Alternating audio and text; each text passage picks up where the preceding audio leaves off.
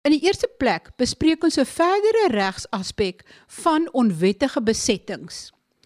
Dan kyk ons na kabeldiefstal en in die derde plek op 'n ligter noot kyk ons hoe 'n dorp weer kan opstaan uit die inperkingsstof deur 'n naweekfees.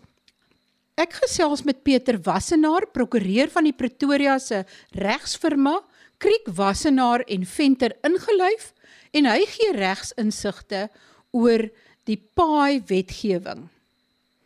En my vraag vandag is: as 'n onwettige plakker sy penne ingeslaan het en sy plot op jou grond afgesteek het, maar hy het nog nie daar geslaap nie, mag jy die penne uittrek en die besetter wegjaag? Ja en nee. Ek dink eers moet ons dalk opbreek wat presies 'n uh, grondeienaar se regte is op so 'n dag van okkupasie tydens die venstertyd vir uitsettings. So die eerste groot potensiële reg wat die persoon mag uitvoer van is 'n gemeenregtelike reg. So dit is nie geneergeskryf nie, is 'n regsbeginsel wat oor jare gevestig het. En dis die beginsel van kontraspoliasie. So spoliasie beteken uh, ontneming, die ontneming van regte of toegang tot 'n ding en kontra is om dit teen te werk, teen spoliasie. So kontraspoliasie is wanneer iemand jou grond onwettig okkupeer of oorneem, dan spolieer hulle jou regte en dan sê die reg dat as jy in die oomblik onmiddellik sonder dat daar tyd verloop tussen die tyd wat jy van bewus geword het van hierdie spoliasie en die tyd waarop jy die teenspoliasie handeling pleeg, onmiddellik optree, dan mag jy die reg in jou eie hande neem tegnies volgens die grondwet. En dit sal beteken dat as daar byvoorbeeld 'n proses is waar hulle die onwettige okkupeerders nog net in proses is om die grond skoon te maak, hulle is nog net besig om die penne vir 'n tydelike struktuur of 'n informele struktuur in te kap, dan kan jy tegnies, jy as die publiek of selfs die polisie inkom, jy mag daai penne uittrek om te keer dat die struktuur verder gaan. Natuurlik moet jy altyd bewus wees van jou sekuriteit en veiligheid in so omstandighede. Daar's dikwels dreigemente en gevaarlike om, omstandighede wat gepaard gaan met hierdie okkupasie insidente.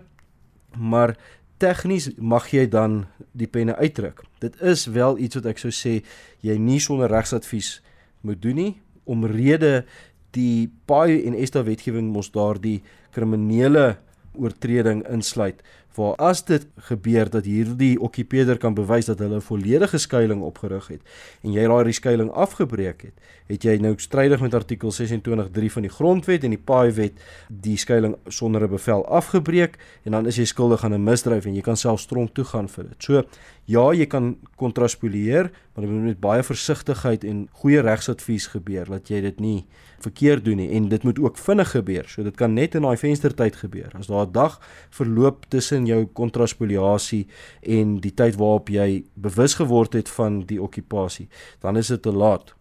So dan die tweede potensiële opsie is om 'n kriminele klagte teen die okkupeerder te lê van oortreding. En dis 'n klagte kragtens die oortredingswet wat sê dat enige persoon wat sonder die toestemming van 'n grondeienaar of 'n geboueienaar die perseel betree, is skuldig aan oortreding en dis 'n misdryf en 'n persoon kan gearresteer word vir die blote feit van oortreding. So baie dikwels as daar 'n huisinbraak is word die persoon van huisinbraak en diefstal ensovoorts aangekla maar ook van oortreding kragtens die oortredingswet want dis 'n tegniese misdryf. Jy word aangekla oor die feit dat jy sonder toestemming die perseel betree het en die polisie mag tegnies volgens die oortredingswet 'n persoon arresteer omrede hulle doen. En as hulle jou arresteer het, dan kan hulle daardie persoon se skuilings, mits die skuilings nie volledig gebou is nie, afbreek. Weereens, wat gebeur het is ek dink die polisie het oor tyd um, te veel moeilikheid begin kry. Daar's 'n ongewilligheid dikwels by sekere polisiestasies om volgens die oortredingswet okkupasie gevalle arrest op uit te voer want hulle is byvoorbeeld self bang dat hulle 'n kriminele oortreding pleeg. Baie keer is dit net politieke eh, ongewilligheid om by te staan, maar tegnies volgens die reg mag jy dit doen. Jy kry ook munisipale ordonnansies van baie munisipaliteite wat die polisie sal magtig om arrest uit te oefen vir die oortreding van 'n munisipale ordonnansie en om 'n tydelike struktuur af te breek omrede dit strydig met die munisipale ordonnansies is. Weereens hierdie hele proses moet baie versigtig oorweeg word, maar dis een van die eerste stappe dikwels wat jy as 'n grondeienaar moet doen op die dag van arrest is om dringend na die polisie te, te gaan en 'n klagte te gaan lê van oortreding en met die hoop dat die polisie jou dan sal bystaan om hierdie okkupeerders te keer om 'n permanente struktuur op te rig. Dan die sterkste reg of die mees effektiewste reg dikwels om uit te oefen is ongelukkig 'n uh, dieroefening is om die hof te nader het sy die landdroshof het sy die hooggeregshof vir 'n dringende interdik om die okkupasie te keer. Meeste van hierdie interdikte gaan hooggeregshof toe en dit is belangrik dat jy so aansoek so gou moontlik bring. Inteendeel uh, ons advies is altyd as jy weet van 'n uh, insident sodra daai insident begin momentum kry sodra jy bewus word van 'n persoon wat onwettig besig is om 'n struktuur op te rig by jou perseel moet jy so gou moontlik 'n prokureur gaan sien sodat jy 'n so dringende basis ook 'n interdik teen die okkupeerders moet kry.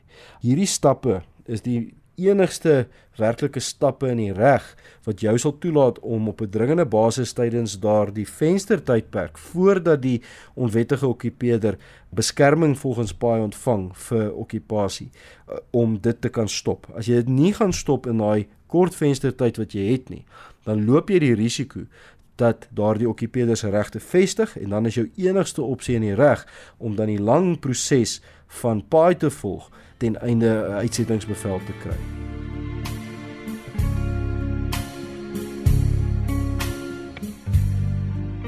Ek gesels vanoggend met Karen Smith. Sy is betrokke by die Sondagsrivier Vallei munisipaliteit en dit sluit natuurlik my dorp in waar ek groot geword het, Kirkwood en dan al die pad Addo, Addo Olifantpark en nog veel verder. Soos in baie ander dele van die land is hier een groot probleem en dit is kabeldiefstal. En dit is nie al diefstal nie, daar's ander diefstal wat ook gepleeg word, maar ons gaan nou op hierdie oomblik fokus op kabeldiefstal want dis baie duidelik dat daar groot kabeldiefstal syndikaate betrokke is. Karen, kan jy dalk vir ons 'n paar syfers gee oor hoe die situasie hier in die vallei lyk? Baie dankie vir die geleentheid dat ek vandag met jou kan gesels. Ek is net so bekommerd oor die kabeldiefstal in ons vallei. Ek het met die Suid-Afrikaanse polisie gepraat en in Arrow area vir die laaste 3 maande was daar 19 voorvalle aangemeld en in Kirkwood 18 voorvalle. Ek moet ook sê dat ek dink nie dit is die korrekte getalle nie, want ek dink daar's baie mense wat nie noodwendig al die diefstal aan die Suid-Afrikaanse polisie rapporteer nie. Met ander woorde, dit is 37 aangemelde voorvalle binne 3 maande en dit beteken meer as 12 voorvalle per maand of 3 per week. En dit is net die gevalle wat aangemeld word. En ek het self ondervind wat dit beteken. Dit beteken dat die waterpompe nie werk nie, dat daar tekorte aan water kan ontstaan in die dorpe en in die verskillende woongebiede, dat die krag afgesny word en vele ander probleme. Dit is ook al verskeie jare aan die gang en dit is besig om al hoe erger te word. Maak die Suid-Afrikaanse polisie in die Sondagsrivier Vallei nie hond haar af nie en is dit nie tyd om hulp in te roep nie. Ek dink die een probleem wat ons het met die kabeldiefstal is dat dit affekteer nie net die besighede nie, maar dit affekteer ook ons inwoners se sekuriteit en dit is 'n bekommernis. Soos wat jy gesê het, die water is 'n probleem, die ligte is 'n probleem en asook die rioolstasies en ons kan nie bekostig dat rou riool in ons strate afvloei nie. Ek dink die polisie se hande is dalk vol wanneer dit kom by die kabeldiefstal. Ek is van die opinie dat kabeldiefstal moet geklassifiseer word as 'n hoogs prioriteitsmisdaad en dat ons moet gespesialiseerde eenhede van die polisie inkry om dit te deel. Ek dink dit is kriminele wat hoogs georganiseerd is en dat hulle is in die posisie om een die kabels vinnig te steel en om die kabels vinnig uit ons vallei uit te kry en te verkoop. En natuurlik die ander ding wat ons nie help nie, omdat ons op fase 4 beerdkrag is, dis is nog makliker om krag te steel. As daar nie krag in die stelsel is nie, word die drade net geknip en dit word uitgetrek en weggery. En dit is presies wat gebeur en wat ek ook hier ondervind het, is dat dit in een deel van die vallei gesteel word, sê maar die onderste deel van die vallei en dan word al die aandag daarop gekonsentreer en dan woets is 'n ander span van die syndikaat in die boonste deel van die vallei besig om verder kabels te steel. Dit is regtig waar 'n eislike probleem. Is daar nie 'n manier wat mens na al die skrootwerwe kan kyk hulle absoluut onder 'n vergrootglas kan sit nie of dink julle dat hierdie kabels baie vinnig hulle pad vind via Uitenaag Port Elizabeth en dan verder Daar's net 'n paar skrootwerwe in die vallei wat wel lisensies het en die polisie het vir my gesê dat hulle is besig om na dit te kyk. Hulle is besig om ondersoek in te stel. Maar hier's die probleem wat ons het. Wanneer van die mense gevang word wat so steel, kry die polisie wel inligting uit hulle uit oor wie waar en hoe die goed gestoor word. Wanneer die polisie gaan kyk, is die kabels nie daar nie. Dit word of baie vinnig verwyder of dit word op ander plekke weggesteel, maar ek het ook 'n suspisie dat al die gesteelde materiaal word so vinnig as moontlik deurgestuur na PE of na Uitenaag toe. So met ander woorde, dit kan net 'n baie goed geoliede masjien wees wat agter hierdie hele diefstalle sit. Ek het ook verneem dat al word van hierdie mense op heterdaad betrap dat hulle eintlik glad nie weet wie die groot base is wat betrokke is by hierdie syndikaate nie en dat die inligting wat hulle kan deurgee eintlik maar minimaal is. Is dit wat julle ook ondervind het? Ja nee, definitief. Ek noem dit die groot koppe van die diefstal syndikaat. Ek dink nie enigiemand hier weet dalk wie hulle is nie. Ek dink dat die hele operasie word so gehardloop dat niemand eintlik weet wie sit agter die hele episode van diefstal wat ons het in ons vallei op die oomblik nie. En dan is dit nie net koperkabels wat gesteel word nie, dit is enige iets met koper in, koperkrane, koperpype. Jy kan dit nie glo wat alles net eenvoudig sommer so in die verbygaan gesteel word en uh, weggevoer word nie. Dit is amper soos uh, motors wat gesteel word in Gauteng waar die oomblik as die motor die pad na die noorde toe vat, dan kan jy maar vergeet om daai kar of voertuig weer te sien hy beland so vinnig in 'n chop shop of hy's oor die grens en weg. Maar koperdiefstal is nie al probleem nie. Daar's ook diefstal van sonpanele, wild, vee en verskeie ander goed. Wat sou jy sê is die ander groot probleme betreffende diefstal en wat te doen het met die polisie. Weet jy Marie, ek dink een van die dinge wat regtig 'n probleem raak in ons vallei is die gebruik van dwelms. Veral tik en veral in sekere areas is dit meer beskikbaar as ander. En hier's die ding. Ek voel dat die mense steel koperpype, waterpype, kopermeters, hulle steel fietsse uit erwe, enigiets wat rond lê word gesteel en dit word verkoop vir dwelms. Ek dink nie oor die algemeen en almal doen dit nie, maar die dwelmprobleem in ons vallei is 'n massiewe probleem. Dit moet dringend aandag kry. Daar is 'n paar gemeenskapgroepe wat al klaar met dit deel.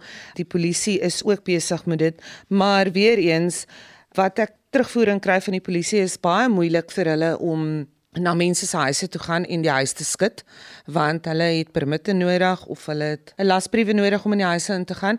En ek het ook 'n vermoede dat daar's van die polisielede in Kirkwood wat inligting uitlek aan die mense wat so dwelms verkoop. Want elke keer as daar 'n lasbrief is dan weet die mense daarvan. Dan kom die polisie en daar's absoluut niks te vind in die huis nie. En ons almal weet in ons gemeenskap wie is die dwelmsmokkelaars en ek dink ons gemeenskap en veral ons as ma's moet begin te opstaan teen dit.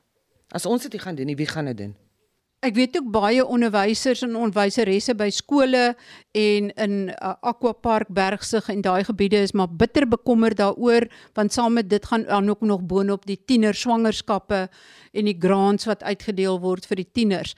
Maar wie is die dwelm smokkelaars? Is dit die plaaslike mense of is van die mense van ander dele in Afrika wat hulle hier gevestig het ook betrokke by dwelmhandel? Ek dink dit is baie moeilik om te sê, maar ek dink dit is beide. Daar's van ons plaaslike mense wat dwelms verkoop en ek dink ook daar is mense wat nie van Suid-Afrika is nie wat hier woon wettiglik, maar dan ongelukkig raak hulle betrokke by onwettige aktiwiteite. Wel as mens in die hoofstraat ry en jy kyk na al die stalletjies in die hoofstraat wat almal eintlik omtrent dieselfde tipe goed verkoop of jy kyk na sekere kafees en hoe donker dit daar binne is, dan kan jy net raai wat daar binne aangaan en ek kan amper sê dis meer as raai, maar ek sal nou nie my bronne verder verklap nie. Karen, wat dink jy is die oplossing? Dat die ouers betrokke raak, dat die gemeenskap in opstand kom, dat die polisie se hand versterk word, dat die polisie wat betrokke is by die dwelmhandel uitgesniffel word en uitgewys word en nie meer in die polisie moet wees nie. Hoe takel mens hierdie probleem? Want dit is nie net in die Sondagsriviervallei nie. Daar's bitter baie dorpe en veral in dorpe waar daar werkloosheid is. Weet jy, ek dink die eerste stap wat moet gebeur is dat die ouers in die huis met verantwoordelikheid vat vir hulle kinders. Want wat gebeur op die oomblik as 'n kind stout is of die kind gebruik dwelms en die skool roep die ouers in, dan is dit baie keer dat die ouers die kind se part kies. En ek bedoel ek dink as 'n ouer jou plig is om na jou kinders te kyk en hulle te verdedig, maar om ook te besef dat as jou kind verkeerd is. So is dit moet begin in die ouerhuis. Dan die skole het 'n groot verantwoordelikheid. Maatskaplike ontwikkeling het ook 'n verantwoordelikheid daar en dan die polisie. Soos almal moet bymekaar kom en en kyk wat se oplossings is daar en wat kan almal doen van hulle oogpunt om te help om die probleem op te los. Want dit is 'n groot probleem en jy weet wanneer 'n tiener begin te dwelms gebruik, gaan erger raak of hoe hulle ouer raak. En dan het jy daai siklus van my ouma gebruik dwelms, my ma gebruik dwelms en dan ek gebruik ook dwelms op die einde van die dag. En ek dink ons moet daai siklus verbreek. Dit is moeilik. Ek bedoel as iets vir jare, jare gebeur, is nie maklik om dit oornag te verander nie, maar as al weg is, is al wel kom ons maak absoluut harde werk hiervan en een van die maniere wat die gemeenskap die mag weer kan terugneem is om na die verkiesing betrokke te raak by die wijkraadskomitees want dan kan hulle vir hulle wijkraad lid sê presies wat in hulle gemeenskap aangaan wat hulle behoefte is en waarna gekyk moet word Ons is almal so dankbaar dat al die COVID inperkings vir eers verby is en ons hoop dit kom nooit weer nie. Maar so kom alle dorpe weer tot 'n bietjie lewe en so ook hier in my vallei, die Sondagsrivier vallei met die Amazing Addo fees. By my is Kobus Buys. Hy's een van die organiseerders van hierdie fees. Kobus, vertel vir ons, wat is die konsep van hierdie fees? Hallo Marie, baie dankie dat ek met julle kan gesels. Ja, Amazing Addo is uit nood gebore. So 'n paar maande terug het ons besef dat ons ander redes gaan moet vind om mense in Addo te kry. Die olifante en wildritte in sitrusplase is nie noodwendig genoeg nie. Ons gastehuis het leeg gestaan en ons was regtig op moedverloorse vlakte. Maar COVID het ons almal nuut leer dink en toe kom ons op die gedagte om Amazing Addo te hou. Ek hou nie eintlik daarvan om dit 'n fees te noem nie. 'n Fees voel vir my soos iets van 50000 mense op 'n rugbyveld en ons het spesifiek gaan kyk om 10, 15 venues in Ado te kies waar daar baie plekke is, waar daar spesiale dinge gebeur en waar mense veilig kan saamkom om musiek te luister, iets te eet en bloot die buitelug te geniet. Is alles in die buitelug of is party van die dinge wat jy gereël het onder dak?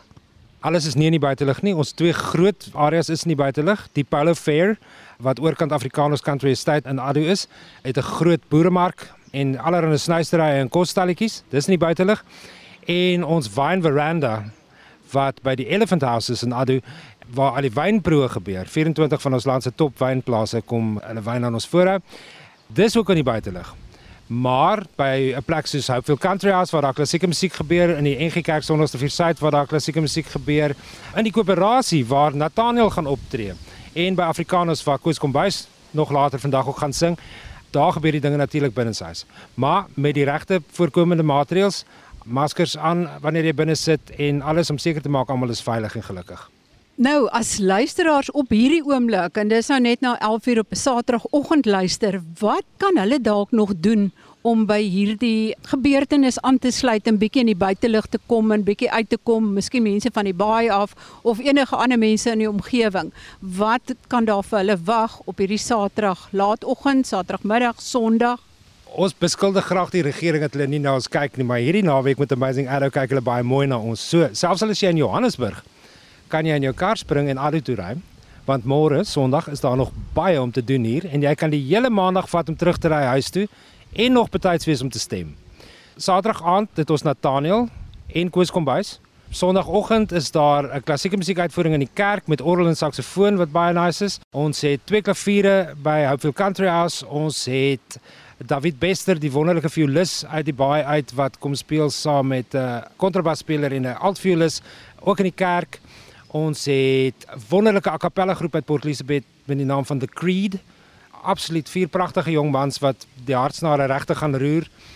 Uh Charles Du Plessis, hoe kan ek vergeet? Met sy trio speel ook in die koöperasie. Dis uh, gaan 'n absolute hoogtepunt wees en na dit weer 'n keer Nathaniel. En tussendeur kan jy wynproe, kostalletjies besoek, net die buitelug geniet en in Addo rondry want dit is regtig amazing Addo. Baie dankie